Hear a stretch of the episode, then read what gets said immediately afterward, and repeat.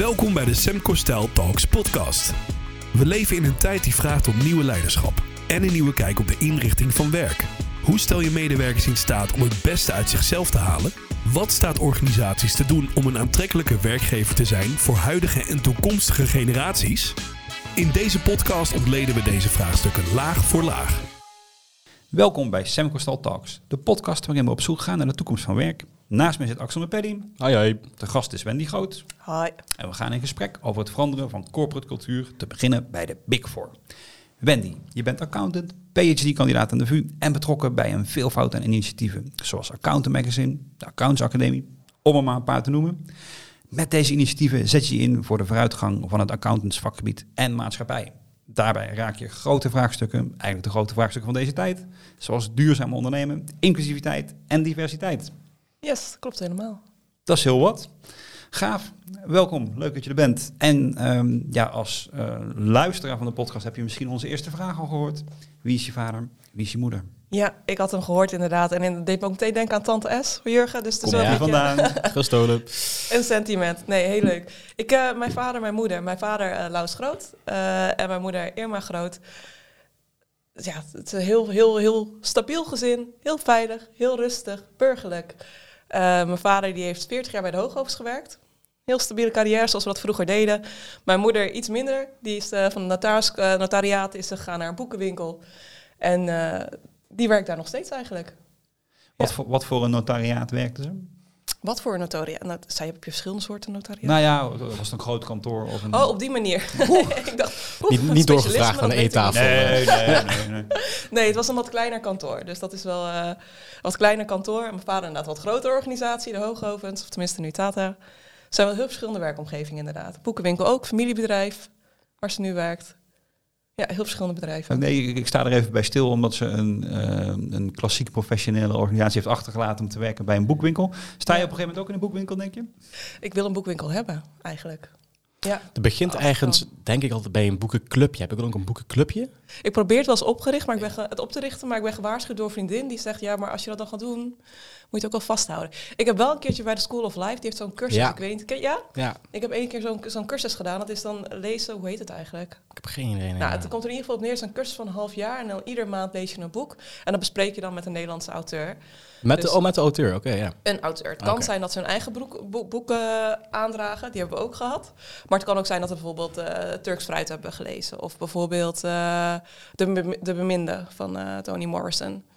Om wat te noemen. Dus het is heel divers en dat bespreek je dan. En waarom ik dat eigenlijk wilde, ik merk dat ik hou heel erg van lezen. Dus die boekenwinkel, leuke vraag. Misschien ooit. Maar ik merkte dat ik heel, heel erg... Ik lees eigenlijk alleen maar niet-fictie. En Ja. ik dacht, misschien komt het omdat ik fictie gewoon niet waardeer. Omdat ik het niet goed kan zien wat erachter zit. Dus in die zin dacht ik, nou, ik wil gewoon eigenlijk een beetje leren dat fictie lezen, leren waarderen. Eh, dus daarom had ik mezelf daarvoor opgegeven. Het was heel leuk, maar als ik nu zie wat ik lees, dan is het toch wel weer niet fictie. Laten we maar gelijk een boekentip ingooien. Wat is een recent eh, non-fictieboek wat jij eh, iedereen kan aanraden? Nou, ik ben nu, nu pas eigenlijk Piketty aan het lezen. Ah, Thomas. Dus ik geloof dat ik daar dat is wel echt hele, hele dikke non-fictie. Nou, hij heeft een samenvatting uitgebracht eh, vorige week. Ja. Maar die lees je niet. Nee, ik heb Nee, wel de, de 800 original bladzijden. Ja. 1100. Oké, halleluja. Ja. ja, het is pittig. Maar ik moet eerlijk zeggen, hij schrijft heel fijn. En ik ben nu pas bij bladzijde 100 of iets dergelijks. Maar ik waardeer het wel echt heel erg. Ik vind het een heel fijn boek. Maar een boek dat ik hiervoor gelezen heb, dat was Strangers in Their Own Land. Van Arlie Hochschild, Hochschild. Oké. Ik weet eigenlijk even niet hoe ik het uitspreek. Maar wat zij gedaan heeft, zij is sociologe. En zij heeft in Amerika heeft zichzelf... Ze, ze, noemt- ja, ze zou zichzelf omschrijven als een linkse rakker, zeg maar. En ze zag in Amerika zo'n hele beweging ontstaan op rechts. En zij dacht, maar wat bezielt die mensen? Hoe, ze begreep de standpunten niet die zij innamen. En, en ze dacht, ja, maar hoe kan dat nou? Hoe kan het zijn dat zij beslissingen nemen of keuzes maken die zo ingaan tegen wat zij dacht, hun eigen belang? Dus zij heeft als sociologe zichzelf eh, de opdracht gegeven, ik moet over die empathy wall heen. Dus zij heeft uiteindelijk vijf jaar heeft ze in het zuiden van Amerika, in Louisiana, Louisiana, Louisiana Oké. Eh, heeft ze doorgebracht met die mensen. Ze ja, maar ze zijn zo hartelijk, ze zijn zo vriendelijk, ze zorgen zo goed voor elkaar. Ze kon het niet matchen met hun politieke standpunten. Nou, het heeft voor haar vijf jaar geduurd om te begrijpen waar die mensen vandaan kwamen. Eh, en ze omschrijft het op zo'n mooie manier. En vervolgens, dat boek kwam uit en vlak daarna werd Trump verkozen. Dus dat boek heeft best wel, zeg maar, een oproer gekregen in Amerika. Maar ik vind dat heel interessant. Ik doe dat ook in mijn PhD eigenlijk. Gewoon kijken naar mensen, naar organisaties, wat gebeurt er. En Wat, wat kunnen we daaruit interpreteren? En dat is eigenlijk wat zij in een boek heeft gedaan met een, met een ja, soort politieke beweging.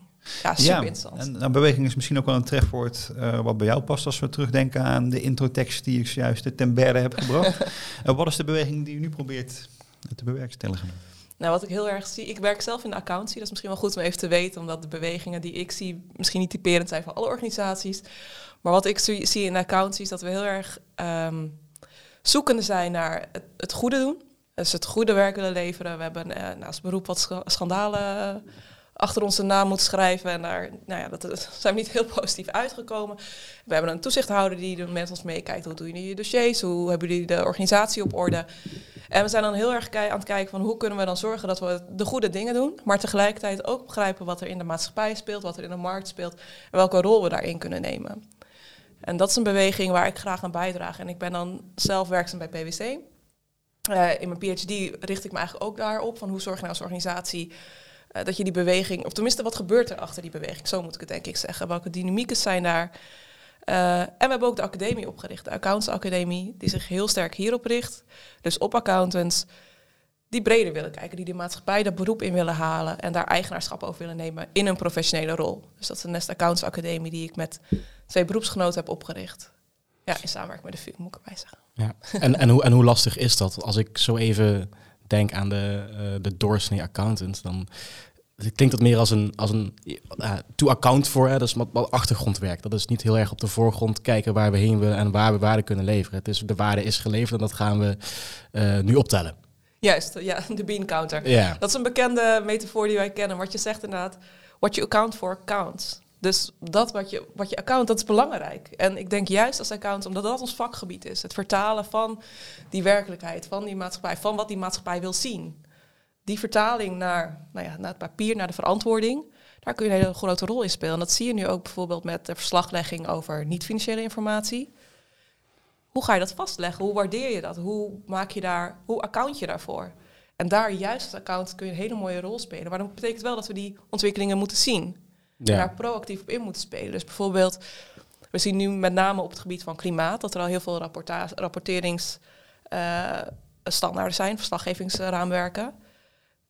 Hoe kunnen we dat verder ontwikkelen? Hoe kunnen we daar uh, eenheid in aanbrengen? Hoe kunnen we zorgen dat daar transparantie ontstaat? Zekere standaardisatie misschien. En hoe trek je het ook breder? Als we het over klimaat hebben, waarom hebben we het ook niet over sociale impact? Dus daar die rol in pakken. Ja. Ik denk dat juist accounts dat heel goed kunnen moeten we het wel doen. Ja, sterker nog, ik, ik, vond het op zich altijd wel een heel erg, heel erg mooie beweging die ik nu uh, in de laatste paar maanden, misschien de laatste paar jaar uh, naar voren zie komen. Uh, is dat financieel resultaat is eigenlijk wel hetgeen waar veelal naar wordt gekeken of werd gekeken. Um, en dat is iets wat op de winst- en verliesrekening staat. Dat is iets wat accountants portretteren of neerzetten. Um, en de vraag kwam, um, kwam naar boven: van, ja, waarom kunnen we op de winst- en verliesrekening niet alle winsten, alle maatschappelijke winsten neerzetten? Dus hoe kunnen we uh, naast het financiële resultaat dat maar als één deel zien en ook het sociale resultaat neerzetten? Um, de vraag is inderdaad: hoe meet je dat? Hoe waardeer je dat, dat goed? Dus het concept is heel erg, heel erg krachtig, maar dan gaat natuurlijk de vraag, en daar zitten wij natuurlijk ook vaak in, hoe meet je nou sociale waarde? Hoe meet je nou die impact? Um, zijn daar al bepaalde maatstaven voor of bepaalde voorbeelden van? voorbeelden van? Ja. ja, we hebben zeker een accountie, daar komt ook wet en regelgeving aan, dat, dat organisaties, organisaties worden verplicht daar meer over te rapporteren. En om daar houvast of tenminste om daar guidance op te geven, zitten daar ook raamwerken onder. Maar wat je ziet is dat het nu eigenlijk een veelvoud aan raamwerken is. Er zijn heel veel verschillende perspectieven, verschillende lenzen die je erop kan zetten. Niks is verplicht, dus dat is ook naar eigen inzicht van de organisatie. Wat natuurlijk ergens fijn is, want dat betekent dat je toepasbaar kan maken. Maar het geeft ook de ruimte voor aspecten die minder wenselijk zijn. Dus bijvoorbeeld greenwashing, wat je kan ja. zien. Dus dat, dat, dat organisaties zouden kunnen kiezen voor een raamwerk dat heel goed past bij het laten zien wat zij willen laten zien. Maar die minder rooskleurige beelden misschien wat achterwege laten. Dus ik denk dat dat ook de stap voorwaarts is. Daar die standaardisatie in creëren. En als je dan hebt over, over die transparantie, over wat de maatschappij vraagt, wat de, uh, wat de belanghebbenden vragen. Dus dat ze dat ook kunnen vergelijken. Dat ze die organisaties naast elkaar kunnen zetten. En daar, ja, wat je zegt, ik zie daar ook een beweging in. Ik was, was een aantal jaar geleden alweer, was ik bij uh, Nijrode bij een alumni-kring. Van, uh, uh, het ging over sustainability in de boardroom. Mm -hmm. En dat was vanuit het perspectief van de Raad van Commissarissen. En daar vertelden ze ook dat, dat die waren, er waren mensen bij die betrokken waren bij de ontwikkeling van de Corporate Governance Code. Die zeiden in die eerste versie mocht het alleen maar gaan over shareholders. Dat was het. Dat was, het, dat was de kern. En je ziet in de ontwikkeling van die corporate governance code dat een aantal jaar geleden is er een nieuwe uitgekomen. Er stond lange termijn waardecreatie stond bovenaan. Dus dan zie je echt een shift. Nou, de, de, volgende versie is nu volgens mij onder consultatie. En daar was juist de discussie over van, mag daar niet iets meer duurzaamheid in? Dus je ziet wel dat er nog een, een ja, het blijft een struggle, zeg maar. Maar je ziet daar wel bewegingen in.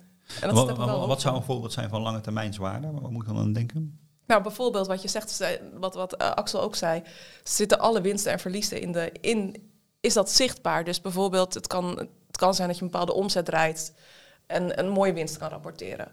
Maar staat daar ook iets in over de schade die je aan het klimaat hebt toegebracht? Of uh, heb je misschien in het productieproces mensen te weinig betaald, uitgebuit, verkeerde omstandigheden. En dan misschien niet eens in Nederland, maar in de productieketen in het buitenland. Hoe ga je daarmee om? En dat soort zaken, dan, dan heb je het voor, voor mij echt over die langetermijn waardecreatie. Op de lange termijn, wat is jouw bestaansrecht als we verder kijken dan alleen de winsten en verliezen? Het vergt een enorme transparantie natuurlijk Ontzettend. Ja.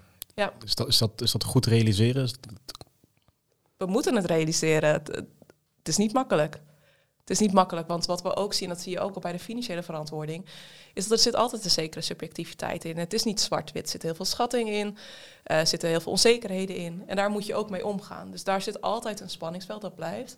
Maar we moeten dat samen wel gaan ontwikkelen. En ik denk, mijn hoop voor de accountancy is dat we daar juist een proactievere rol in kunnen nemen. Want daar zit denk ik echt de impact van het accountsberoep op dit moment. Het klinkt als een heel uh, uh, meeslepende en aantrekkelijke visie. dus wat, wat zou een uh, kantoor tegenhouden om dit pad op te gaan? Ik denk dat, dat we ons moeten beseffen dat kantoren nog los van hun eigen ambities op dit vlak, we werken ook niet in een silo. We werken in een grotere context, een grotere omgeving. Dus wat wij doen als accountant, wij zitten eigenlijk iets verder in de keten. Een organisatie die die moet allereerst dit soort zaken in kaart brengen. Dus bijvoorbeeld sociale impact, bijvoorbeeld klimaatimpact. Vervolgens moet die daarover rapporteren en aan het eind komen de accountants. Dus wij zijn sowieso afhankelijk van een keten en een context waarin wij niet altijd leidend zijn. We kunnen daar wel in bijsturen. En dat is dus ook de rol die we daar moeten pakken. Als je ook kijkt naar die bredere context, dan heb je het bijvoorbeeld over die veelvoud aan raamwerken die ontstaan. Daar kunnen wij een standpunt in innemen, daar kunnen wij in helpen sturen, maar het is niet meteen kant en klaar. Dus in die zin, nog los van of je als organisatie die kennis en skills al in huis hebt. Want dat is natuurlijk, het vraagt ook een soort van upskilling. Um, heb je ook de context waarin je mee bewegen en temporiseren. Ja, oké. De, de, de context is in die zin complex met veel eh, partijen, veel stappen, veel processen waarin de account er maar één is. Juist. Uh, is wat ik je hoor zeggen. Um, willen accountants dit? Nou, als ik bijvoorbeeld toevallig onze, onze voorzitter van de Raad van Bestuur van PwC Agnes, die was gisteren nog op de radio en die heeft hier ook, uh, die heeft hier ook over gehad.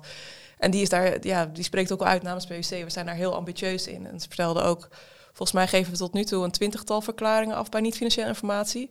Ja, dat moeten er wel echt honderden worden. Dat moet echt wel meer worden. Maar dan zit je inderdaad met twee aspecten. Enerzijds hebben de mensen die je hebt de skills. En anderzijds ook heb je er voldoende. Heb je voldoende mensen om dit te bewerkstelligen.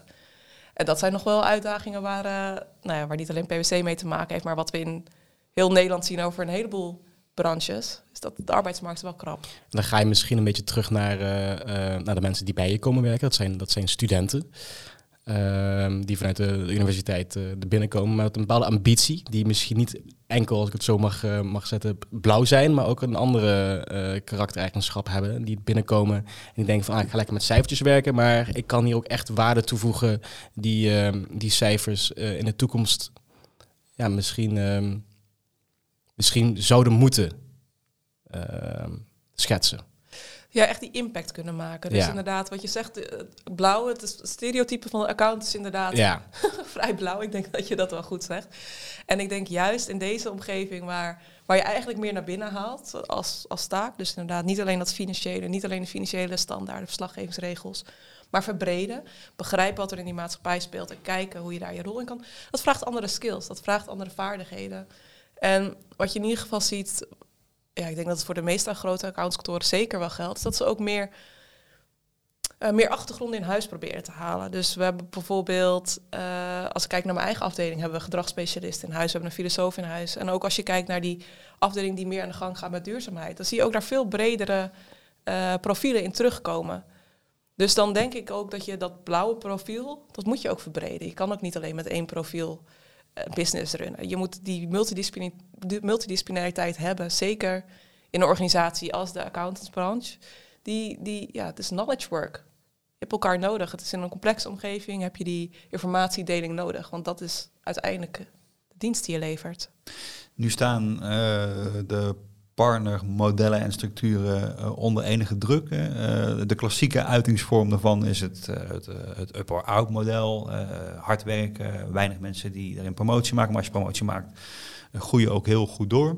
Overigens zonder negatieve connotatie, maar gewoon als, als, zijnde het, ehm, ehm, de, de manier waarop de grote kantoren bekend staan. Ehm, het is ook bekend dat steeds minder mensen in die structuur willen werken. Dus de grote kantoren hebben moeite om aan mensen te komen. Ehm, zie jij de vorm veranderen? Of blijft dit zoals het is? Ik weet niet of ik de vorm zie veranderen nu eh, bij de grote kantoren. Ik denk dat dat zijn grote organisaties, internationaal. Het is. Ik weet niet hoeveel ruimte daar is nu om te veranderen. Wat ik wel zie is dat er andere concepten opstaan. Dus we hebben bijvoorbeeld ook in, eh, in de accountancy hebben we kantoren die participaties geven aan werknemers. Die kunnen ze dan kopen. We hebben ook kantoren die, die zich heel bewust richten op audit only. Die daarin proberen te verschillen van de rest van de partijen om een andere ja, hoe zeg dat, propositie te bieden. Dus Nou, bij, bij, bij, bij, bij, bij, bij kleine partijen zie ik een makkelijker vorm. Maar misschien is mijn onderliggende vraag of een, eh, of een klassiek model zich optimaal leent voor een vooruitstrevende beweging. ja, Of, of, zij- of ben je dan inderdaad elkaar tegen aan het werken? ik vind dat een hele goede vraag. En dat is een spanningsveld dat ik ook terugzie. En wat dan nog specifiek voor de accountancy is, daar hadden we het net ook al eventjes over, is dat je als accountant eh, de dienst die je levert uiteindelijk een, een verklaring die je afgeeft. Daar zet je handtekening onder en eigenlijk je handtekening is wat je levert. Ja. Ja. Daar komt ook zeker verantwoordelijkheid bij kijken. Daar komt ook zeker ja, accountability bij kijken. Dat betekent dat als ik als accountant een handtekening zet en achteraf blijkt het werk is niet goed gedaan, ben ik degene die voor de tuchtrechter gesleept kan worden. En dat maakt het een heel complexe situatie om te zeggen, oké, we hebben een team waarin we de verantwoordelijkheden breed- breed delen. eh, en eigenaarschap geven waar het hoort. En tegelijkertijd dat ik wel degene ben die daar verantwoording over moet afleggen. Dus ik zie dat ook terug in mijn PhD. In mijn PhD eh, richt ik me onder andere op oorzakenanalyses. En dan gaat het dus over when shit hits the fan. Iets gaat niet goed. Of iets gaat juist heel goed trouwens, dat kan ook. Maar dan willen we begrijpen, wat is die root cause? Wat zit daarachter? Wat kunnen we daarvan leren? Welke dynamieken zitten daarachter? Maar op het moment dat je wil leren van fouten, heb je een open cultuur nodig. Ja. Mensen moeten zich veilig voelen om, om te vertellen wat ze ervaren hebben, wat ze gezien hebben. Ook hun fouten toegeven als die zijn gemaakt. En dan ga je botsen met zo'n klassieke structuur. Precies, en dat is dus het hele lastige van enerzijds, en dat is inherent aan de accountancy hoor. El- Ja, Iedere nee, is persoonlijk aanspreekbaar in die zin. Maar daar zit een spanningsveld. En ik heb de oplossing ook nog niet. Maar als je bijvoorbeeld kijkt naar eh, Onderzoeksraad voor Veiligheid, die doet ook onderzoeken naar, naar bijvoorbeeld een, het AZ-stadion is ingestort. Of een, het is een vliegtuigongeluk. Zij gaan dan kijken wat is daar gebeurd. Maar wat je ziet is dat het onderzoek dat zij doen, mag bijvoorbeeld niet gebruikt worden voor strafrechtelijk onderzoek. Dus daar zie je dat ze er echt een scheiding hebben gemaakt tussen enerzijds die accountability en anderzijds die, eh, dat leren, die veilige omgeving en die openheid. En dat is een spanningsveld dat ik in de accountancy zie, nog geen oplossing voor heb. Dus Nee, dus ju- juist waar je verantwoording verkoopt, is het moeilijk om verantwoordelijkheid laag in de organisatie te leggen. ja, uiteindelijk degene die de handtekening zet is de eindverantwoordelijke. En dat maakt wel dat het een interessant speelveld is. Zeker inderdaad als we er ook bij nemen dat we inderdaad toch wat in de spotlight hebben gestaan. Niet altijd op een positieve manier. En dan heb je ook wel iets te bewijzen. En dat maakt wel dat het... eh, het is een hele interessante context om in te werken. Maar het maakt het ook wel heel complex. Is het een, ehm, eh, een oprechte beweging? Of is het een... een, ook een ah, dat- laten we dit er ook maar bij doen. Misschien kunnen we dan nog wat meer declarabele uurtjes uh, slijten. Ja, ik kan niet anders antwoorden dan dat... voor mij Nee, is van- het van- vanuit, jou eh, voel ik hem. Ja, voor mij is het echt een oprechte beweging. En wat ik bijvoorbeeld zie, ik heb met eh, twee beroepsgenoten, Arie van Hakan, heb ik een Nest Accounts Academie opgericht. In, eh, in samenwerking met de VU hebben we dat gedaan. En dat is eigenlijk een soort van, ja, we, ze noemen het een soort van leiderschapsprogramma eigenlijk. Ja. Dat accountants wil opleiden eh, in publiek leiderschap. Dus je nek durven uitsteken, zien wat er in de maatschappij speelt en daar je rol in nemen. Eh, communicatieve vaardigheden, dus krijg je je verhaal je visie ook over de bühne. Ook een stukje ondernemerschap, dus trek het ook naar je toe. En we hebben dat idee, hebben we voordat we live gingen, hebben we natuurlijk wel even een beetje marktonderzoek gedaan. We hebben dat hier en daar gepitcht. En daar zagen we eigenlijk bij alle organisaties waar we waren, dat is echt van de grote kantoren tot en met de overheid, overal waar accounts werken eigenlijk en controles doen, ja, hebben we dat gepitcht. En daar kwamen gewoon best wel hele positieve reacties op. En nou, misschien dat ik heel naïef ben, maar ik las daar echt wel een oprechtheid in. Echt wel een behoefte om daarin mee te bewegen en die vaardigheden in het accountsberoep te brengen. Heb je, heb je voorbeelden waar, waar, waaruit je nu ziet dat, dat het inderdaad uh, is gerealiseerd, naast, naast uitgesproken? Je bedoelt voor de academie specifiek? Ja, of, of, of bij de bedrijven waar je dit hebt gepitcht? Ja, nou, wat, wat, wat ik in ieder geval zie is dat alle organisaties hebben deelnemers geleverd. Dus we hebben nu een eerste klas, een eerste jaar hebben we gevuld met 23 deelnemers. En dat is allemaal op kosten van de organisaties. Die hebben toegezegd die deelnemers aan te dragen. Dus ik zie daar een zekere committering in, ja, een soort van skin in the game toch? Um, en wat we ook hopen, en dat zal de rest van het jaar moeten uitwijzen, is dat we ook dus die deelnemers mobiliseren, aan het werk zetten eigenlijk. Wat we in ieder geval gedaan hebben als rode door het jaar heen, is dat ze aan de gang gaan met subthema's. Dus we hebben bijvoorbeeld een subthema dat gaat aan de gang met drijfveren. We hebben een subthema dat gaat aan de gang met publiek belang. En zo hebben we er nog een paar. Wat we natuurlijk hopen is dat daar uiteindelijk die, die wapenfeiten uitkomen. Dat moet zich nog gaan ontwikkelen. Maar het feit dat die academie staat, dat we 23 deelnemers hebben, dat we dat ook in samenwerking met de VU kunnen opzetten, dat is voor mij een bevestiging dat, dat, dat hier wel een wil achter zit, dat het niet loze woorden zijn. Ja, wat, wat ik me ook wel goed kan voorstellen, want dat maakt je vak veel uh, sterker. Uh, ronder of completer. Juist. Ik denk, ja, completer is een heel mooi woord inderdaad, maar het verbreed je. Ja. Ja.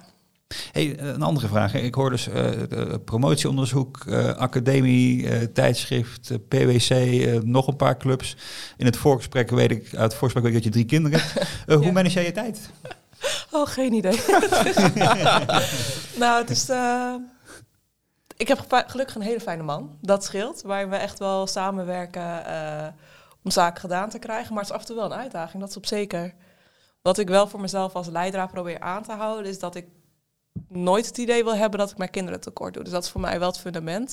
Ik kan mezelf heel druk maken, ik kan heel veel uren draaien, ik kan heel veel op stap zijn, dat is geen probleem. Maar ik wil nooit het idee hebben dat ik mijn kinderen niet genoeg gezien heb of dat ik er niet ben geweest. Op de momenten die belangrijk waren.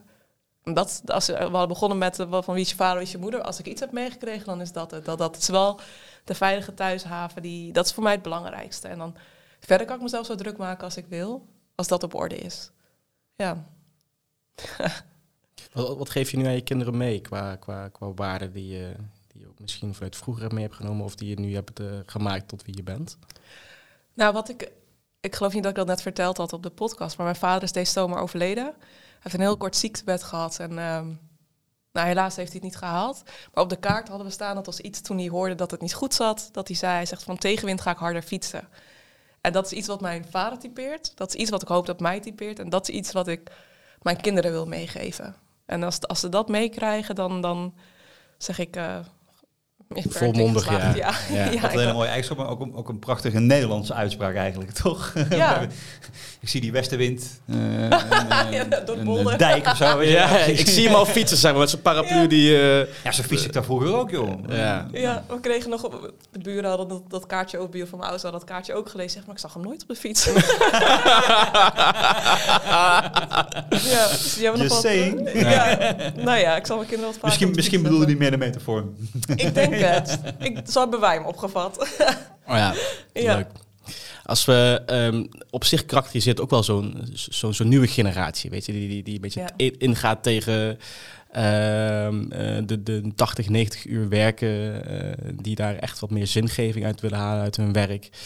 Um, hoe ziet de, de toekomstige accountant eruit, die, die nu binnen bij PwC bijvoorbeeld komt binnenlopen? Um, hoe, uh, hoe karakteriseer je die? Wat, wat, wil je in zo'n persoon zien? Eigenlijk precies wat je zei. Dat is een bredere blik op, op het beroep. Dus zien wat je kan doen, waar je impact zit. Signaleren waar, je het niet goed vindt gaan. Of dat nou intern is binnen de organisatie op bepaalde manieren of extern. En daarop acteren. Dus breder denk jezelf breed ontwikkelen. En ik, ik heb zo'n boek gelezen was van Gladwell volgens mij. was Range. Zeg ik dat goed? Nee, Epstein. Het was David Epstein. Range heet het. En hij omschrijft dat echt heel mooi. Dat uiteindelijk moet je vakgebied kennen. Als je accountant bent, moet je gewoon begrijpen wat je doet. Ja. Je moet je opleiding gedaan hebben. Je moet goed zijn in de vaktechniek. Maar vanuit daar verbreden. Een bredere blik ontwikkelen. Breed geïnteresseerd zijn. En ook zorgen dat je die diversiteit vast kan houden in het beroep. Ik denk dat daar de toekomst in zit. Ja. Dat antwoord op je vraag. Ik kijk niet heel erg. Nou, nee, nee, nee, nee zeker wel. Eh, Die, die, een stuk geëngageerder. Eh, Juist. Juist. be- betrokken buiten ook eh, de branche en, en traditionele zin. Dat is wat ik zou hopen. En ik denk dat het, nou ja, het oldschool beeld, je gaf al aan, accounts een beetje blauw. Het oldschool beeld is ook nog wel dat we, dat we er zitten voor de leaseauto, het mooie salaris en, en in de mooie grote kantoren aan de Zuidas. Ik, ik denk, ja, ik denk dat dat, dat, dat dat dan ook nog een omslag is. Dus van dat stereotype naar die breed betrokken professional. Nou, daar, zeg je nog wel iets, nog wel iets interessants. Ehm, eh, want eh, een groot kantoor en een grote auto en een goed salaris zijn allemaal statusindicatoren. Ja. En status is een legitieme drijfveer. Het is maar net wat je belangrijk vindt. Dus sommige mensen willen vooral leren, Mm. anderen zijn op zoek naar status, anderen willen eh, geborgenheid of veiligheid. Ehm, wat is jouw drijfveer? Ik heb toevallig eh, een aantal jaar geleden zo'n drijfveeranalyse gedaan. En wat bij mij echt bovenaan stond, dat was creatief denken. En ik, als, als ik kijk naar wat ik nu doe, eh, mijn werk binnen PwC, maar ook mijn PhD, de academie, daar zit heel veel vrijheid in, vrij denken. En ik denk dat dat voor mij de drijfveer. Als ik dat niet zou kunnen doen, dan. eh, Nou, ik dat creativiteit kun je omschrijven als het combineren van bestaande dingen tot iets nieuws. En met al die verschillende initiatieven, daar ergens in het middenveld ontstaan Ja. natuurlijk ook nieuwe dingen. ja. Ehm, wat denk je dat de belangrijkste drijfveer is in, eh, in, in de grote kantoren? Bij de personen? Ja? Ik durf dat niet te zeggen. Ik bedoel, in mijn eigen werk bij binnen PwC kijken we best breed naar de organisatie. Ik gaf al aan, we doen oorzakenanalyses. Dus wanneer een opdracht niet zo is gegaan zoals we willen. Maar het kan ook zijn dat we naar bredere processen kijken. Dus bijvoorbeeld, wat beweegt mensen om te blijven bij PwC? Wat beweegt mensen om juist weg te gaan? En hoe kunnen we in PwC daar, als PwC daarin meebewegen? En je ziet, zeker bij de mensen die binnenkomen, die nog niet door het selectieproces zijn gegaan, zie je gewoon heel veel diversiteit. En ook heel veel verschillende drijfveren. En dat heeft te maken met natuurlijk wie je als persoon bent.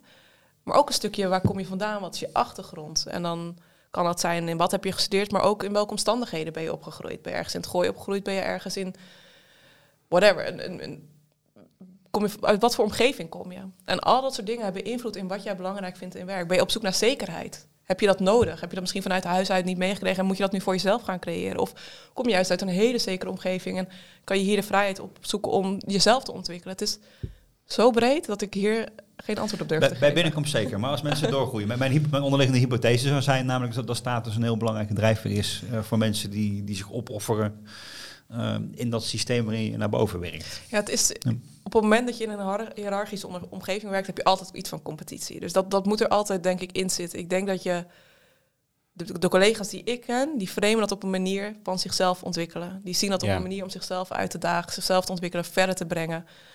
En ik denk dat dat is wat heel veel collega's drijft. Zichzelf blijven ontwikkelen, leren, uitdagen. Nieuwe dingen blijven doen, de organisatie verder helpen. Dat is wat ik hoor. Ik heb niemand horen zeggen, ik zit hier omdat ik een mooie auto rijd. Zeker niet, niet, niet. Nee. nee, ik denk dat een cultuur van leren en van ontwikkelen, die, die, die zit er zeker in. Ja. En dat status, misschien dat het er wel zit, maar dat het dan toch minder besproken wordt. Of dat het misschien zelf niet eens zo gezien wordt. Dat er, dat, status, ik vind het ook een beetje een negatieve connotatie. Hè? Je gaf al aan van, zo is het niet bedoeld. Maar ik denk dat het er wel aan vast zit. Hoe wij, misschien is dat ook wel een beetje Nederlandse cultuur. Hè? Wij steken je nee, hoofd niet ver ik- boven het maaiveld uit. En, Probeer, probeer de, de, de stereotype olifant in de kamer toch op een even eh, Ik- ik denk in de dat- hoek te laten zien. nou, ik heb hem gezien. en het, is, het wordt niet zo uitgesproken. En wat ik wel zie, en dat is dan een beetje de, de, de beweging, denk ik, waar we als accountie ook al vandaan komen. Toen ik 16 jaar geleden begon de accountie, was het standaard grapje was nog wel eens als je om half zes wegging van het kantoor, heb je middagje vrijgenomen. Ja, nu blikken we daarop terug en dan zeggen we, ja, dat vonden we vroeger grappig. En ja, vonden we vroeger grappig. En ik wil niet zeggen dat we niet hard werken. En ik wil niet zeggen dat we niet collega's hebben die geen werkdruk ervaren. Maar ik zie daar wel echt een verandering in. En misschien heeft dat te maken met die nieuwe generatie die binnenstroomt. Die daar toch, of, of überhaupt de bredere maatschappelijke, maatschappelijke ontwikkeling, waar we toch allemaal in meedrijven. Denk je dat de nieuwe generatie anders is dan, eh, dan andere generaties? Ik denk dat elke generatie anders is dan eh, de voorgaande generaties. Omdat iedereen groeit op in een andere tijds, ander tijdsbestek, andere tijdsgeest, andere problematiek.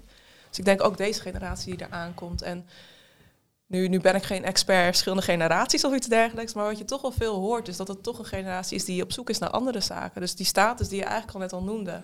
Nou, hoe het, dat was misschien van ouder was dat een ding. De nieuwe generatie echt daar toch minder aan. En wat je dan ook wel terug hoort is inderdaad van vragen van willen mensen überhaupt nog partner worden? Willen mensen überhaupt nog doorgroeien? Willen ze die hiërarchie wel in? En ik denk zolang we kunnen zorgen dat, dat het gaat om ontwikkeling. En dat de hiërarchie kan daar misschien instrumenteel aan zijn, dat, dat weet ik niet. Maar zolang het gaat om ontwikkeling, jezelf uitdagen en jezelf vanuit je professionele rol verder helpen. Maar ook impact maken. Ik wil het niet alleen over de professional zelf laten gaan, Ja. maar vooral impact maken. Ja. Dan denk ik dat je, dat je heel ver komt. ja, precies. Je kan focussen op het positieve aspect eh, ervan. Ja. ja. Ja. Ja. Eh, Axel, jij bent hier de stem van de jonge generatie. Eh, vertel eens. Eh, wat drijft hen? Ja, nee, ik, ik, ik, ik, ik, vind me wel heel, heel erg in, in, in, je woorden een stuk geëngageerder zijn. eh, weten eh, dat je impact hebt eh, en waar je impact kan maken. Eh, en dat je daar een, een rol voor je, voor je ligt. eh, naast dat je ergens binnenkomt en de ladder van succes moet, moet, moet bewandelen. Ja. En dat je eigen succes kan definiëren op een creatieve manier. Ehm, en, en daar de middelen kan voor kan gebruiken die je, die, die je zelf hebt. eh, en die je misschien niet worden aangereikt. Dus ik, ehm, ik kan me daar wel heel, erg in vinden. Ehm, en dat is ook iets wat ik, eh, wat ik, wat ik hen zou, zou willen meegeven. Ja, blijf altijd daarna op zoek gaan. Dus ik, ik kan me daar wel aan vinden. Ik vond het zelf heel erg, heel erg interessant om dat vanuit een accountancy ehm, perspectief mee te maken. Ehm, ik, ik zit daar voor mijn gevoel volledig aan de andere kant. Eh, ik, ik zag mezelf daar, eh, daar, daar zeker nooit, nooit zitten. Dus dat was een hele bewuste keuze voor mij. Ehm, dus daarin denk je dan ook al heel erg gauw van... oké, dan, dan heb ik daar ook helemaal niets mee te maken. En waar zij over praten, eh, daar zal ik mezelf niet, niet in kunnen vinden. En om nu bepaalde raakvlakken te horen... waar de accountancybranche mee bezig is, dat, dat, dat, dat stemt me wel heel positief. Eh, om, om dat vanuit eh, die hoek mee te maken. En dat de vraagstukken waar we nu mee worden geconfronteerd... in elke branche in ieder geval een plek heeft. Eh, waar, we, waar we iets mee moeten en waar we iets mee kunnen. Ja. Ja, ik moest, door iets wat je zei, moest ik ook denken aan, aan een stuk dat Rutger Bregmans laatst geschreven heeft. Dat ging ook over die nieuwe generatie die dan heel ge geëngageerd is. Eh, maar met het risico dat het vooral blijft bij... Heb ik gelezen, ja. Bij de Groene Juist. Amsterdammer? Ja, ik durf het even niet te zeggen. Maar het Klopt, kwam- ja. Dat eh, volgens, mij, volgens mij sprak hij over dat het, ehm, dat het wel heel, heel... Hij spreken het uit, maar dat het wel blijft bij het uitspreken van en het echt handelen naar. Dat, dat, het, dat, dat het daar eigenlijk wel stokt. Dat is dan het grapje inderdaad van je zet op Instagram, zet je je, je foto op zwart. Een beetje, de, een beetje de greenwashing onder, Nou. of ja, hoe noem je het? De, social washing misschien Ja, wel. eh, impression management. precies. Ja, of Ja. ge- geëngageerd voor zichzelf. ja. Ja. Of dat. Ik wil een andere balans. Maar- ik wil dit. Maar dat, Ja. Weet je, maar dat, dat wel heel erg makkelijk is om je, om, je, om je zo voor te doen. Maar eh, wat, wat ben je nou mee bezig in je eigen omgeving om te werk die stappen te gaan Juist. maken?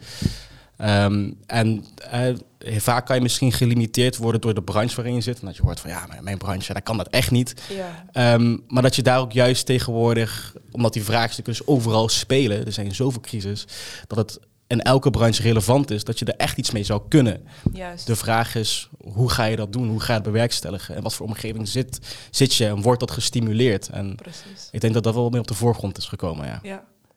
Ja. Vragen jullie allebei. Hè? Denken jullie nou dat ehm, corporate cultuur gaat veranderen? Eh, of houdt een systeem zichzelf uiteindelijk altijd ehm, eh, in, in, in, in wat het is? Want ik, ik hoop het eerste, maar ik, ik zie vaak het tweede.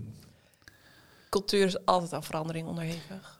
Altijd. Ik denk dat sowieso... Cultuur is nooit een gegeven, nee. Nee, het is niet statisch. Cultuur is uiteindelijk wat mensen doen, wat mensen geloven, wat mensen hun overtuigingen zijn. Ik heb de overtuiging dat iedere generatie daarin ook ontwikkelt. For better or worse, whatever. Maar er zit een ontwikkeling in, er zit een verandering in. Dat gaat die organisaties in. De maatschappij verandert. Vijftien jaar geleden denk ik niet dat veel accountskantoren heel erg bezig waren met duurzaamheid. Of dat ze dachten dat dat bij de taak van de account hoorde. Eh, zelfs vier, vijf jaar geleden was ik bij, eh, dat noemden we toen de Groene Brigade. dat was een werkgroep bij de MBA, het heet nu Planet Finance. Maar die is dan ook bezig met verduurzamen. Dat, dat zegt ook wel heel erg veel, die, die naamsverandering. De Groene Brigade, een beetje pretentieus misschien. Oh, Ook wel, ik ja, kreeg een beetje de ja dat, dat, dat, Greenpeace. dat, dat, dat gevoel kreeg ik. Me-. Waar, waar het zeg maar nu eh, Planet Finance. Planet Finance is, waar het ja, dat heeft een stuk, een stuk serieuzere connotatie voor, voor mijn gevoel. Ja. Zo had ik er nog niet over nagedacht, maar dat is een hele leuke constatering. Maar wat we daar zagen vijf, vijf jaar geleden, dan, dan deden we ook onderzoek een beetje binnen het accountantsberoep. Hè. Wat vinden we nou met z'n allen van duurzaamheid? En er was toch wel heel veel sceptische reacties daarop. Van ja, maar god, weet je, we hebben al zo moeite met die kwaliteit op, op orde houden. Laten we Ja. maar gewoon even bij onze leest houden. Laten we maar gewoon normaal doen. Ja, doen we maar gewoon normaal. Ja. Ja. Dan doen we gek genoeg. Maar daar zie je dus ook die ontwikkeling in. Dus dan zie je dat wat we belangrijk vinden, onze overtuigingen en daarmee ook onze cultuur verandert. Inherent. En de corporate cultuur, wat ik zelf gemerkt heb, ik werk nu bij eh, PwC Amsterdam. Zo'n 16 jaar geleden begon ik bij PwC Utrecht. Hetzelfde kantoor, of tenminste dezelfde organisatie. Kantoor Utrecht, kan- kantoor Amsterdam verschilt al. Wat is dan de corporate cultuur? Ik denk dat het dat. ehm, lang verhaal kort, corporate cultuur verandert altijd. Mooi. Zeker. Ik, ehm, ik, ik ben het daar, eh, daar volledig mee eens. Ik denk dat cultuur ehm, eh, een optelsom is van de mensen die, eh, die bepaalde waarden meebrengen in een organisatie. En dat, dat zijn steeds ehm, nieuwe mensen met steeds nieuwere waarden. Dus over tijd ehm, zal misschien de corporate cultuur waar, waar jij naar refereerde, Luc, misschien wel wat negatiever is, en die, die, die zal gefilterd worden. Eh, en die zou eh, vervangen worden. Of ja, vervangen, die is natuurlijk altijd aan vervanging onderhevig. Ehm, maar, maar daar zou een nieuw, nieuw geluid uit, eh, uit ontstaan, denk ik. Wat ik daar nog wel op toe zou willen voegen, is wat ik, de verandering die ik wel echt zie ontstaan, is, en dat, is dat er meer ruimte is voor de mens. Ja, de, de, werk, voor mijn gevoel staat de werknemer tegenwoordig ook wat, wat centraler dan Juist. waar vroeger de werkgever centraal staat. Een mooi voorbeeld vind ik daarvan in sollicitatieprocessen, waar eh, vroeger als, als werknemer of als sollicitant binnenkwam, je moest tien referenties aandragen en dan kon de werkgever selecteren en beoordelen of je goed genoeg was of niet. Waar nu de werkgever eigenlijk tien referenties aandraagt aan die werknemer om te laten zien van hé, hey, eh, zelfs oud-collega's die, eh, die geven aan hoe fijn het is om hier te werken. Dus daar, daar heeft de werknemer heel veel, heel veel meer keuze in. Het is ook de markt inderdaad. Er is natuurlijk een krapte op de arbeidsmarkt. Dat betekent ook dat het een Precies, dat de wens van de mens ook wel weer centraal gesteld mag worden in plaats van de wens van de organisatie. Ja. En wat ik heel erg zag, ik ben, eh, we hebben natuurlijk heel veel lockdowns gehad inmiddels. Dus we hebben veel vanuit huis gewerkt. Ik werk zelf nog steeds veel vanuit huis. Maar dan neem je je collega's ook mee naar je eigen woonkamer. En zeker toen we tijdens de lockdowns... Maakt het wat menselijker. Precies, je ziet een hele andere kant. Zeker dat, ik, dat, dat de scholen ook dicht waren. Ik had drie coaches op de achtergrond. Ja, die kwamen regelmatig door het beeld. En ik zag bij andere collega's zag ik de kat over het toetsenbord lopen. En het is- ik, Luc.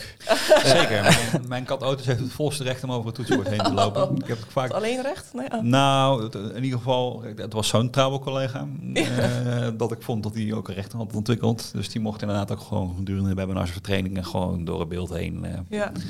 Ja, wapsen met zijn staart. Nou, maar dit geeft wel een ander beeld van wie Ja. is dan Luc. Je bent niet alleen een professional. Je hebt een kat thuis. Je hebt whatever, hoe je je huis inricht. Het geeft een veel breder beeld van wie wij zijn. En dat is wel mijn hoop ook naar de toekomst toe. Als we het dan toch hebben over die corporate cultuur. Eh, neem je mee. Neem jezelf mee naar werk.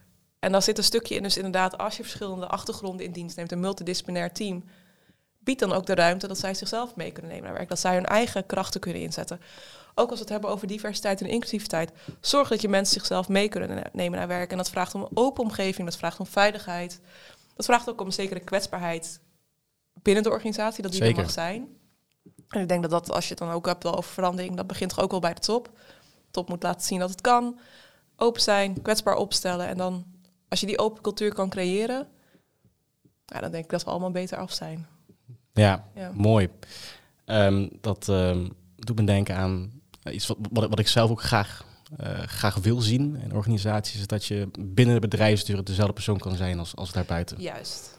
Ja, ja mooi. Ehm, ik denk dat we best wel, best wel een mooi gesprek hebben neer kunnen zetten. En het doet me, waar ik begon, en zeker in mijn, mijn gedachtegang over eh, de corporate wereld, moet ik altijd denken aan een, aan een essay wat, wat Milton Friedman in 1970 eh, ehm, schreef. Wat the, the only social responsibility of business is to increase its profits Ja. heette. Ehm, daar zijn we ehm, nu dit gesprek zo eh, ehm, gevolgd hebben een stuk verder in. Gelukkig. wat is, om, om, mooi, om mooi af te sluiten, een vraag of een, of, een, of een wens die je hebt eh, voor die toekomstige accountant? Wat zou je hem willen meegeven? Ja, die toekomstige accountant. Ik hoop echt dat de toekomstige accountant iemand is die met beide benen in de maatschappij staat. Begrijpt wat daar speelt, wat de ontwikkelingen en behoeften zijn. En dat mee kan nemen in haar, of zijn, mogen ook mannen, in, in haar eigen professie. Dat hoop ik voor de accountant. Wendy Groot, bedankt voor het gesprek. Graag gedaan. Semco Style Talks. Werken in de wereld van morgen.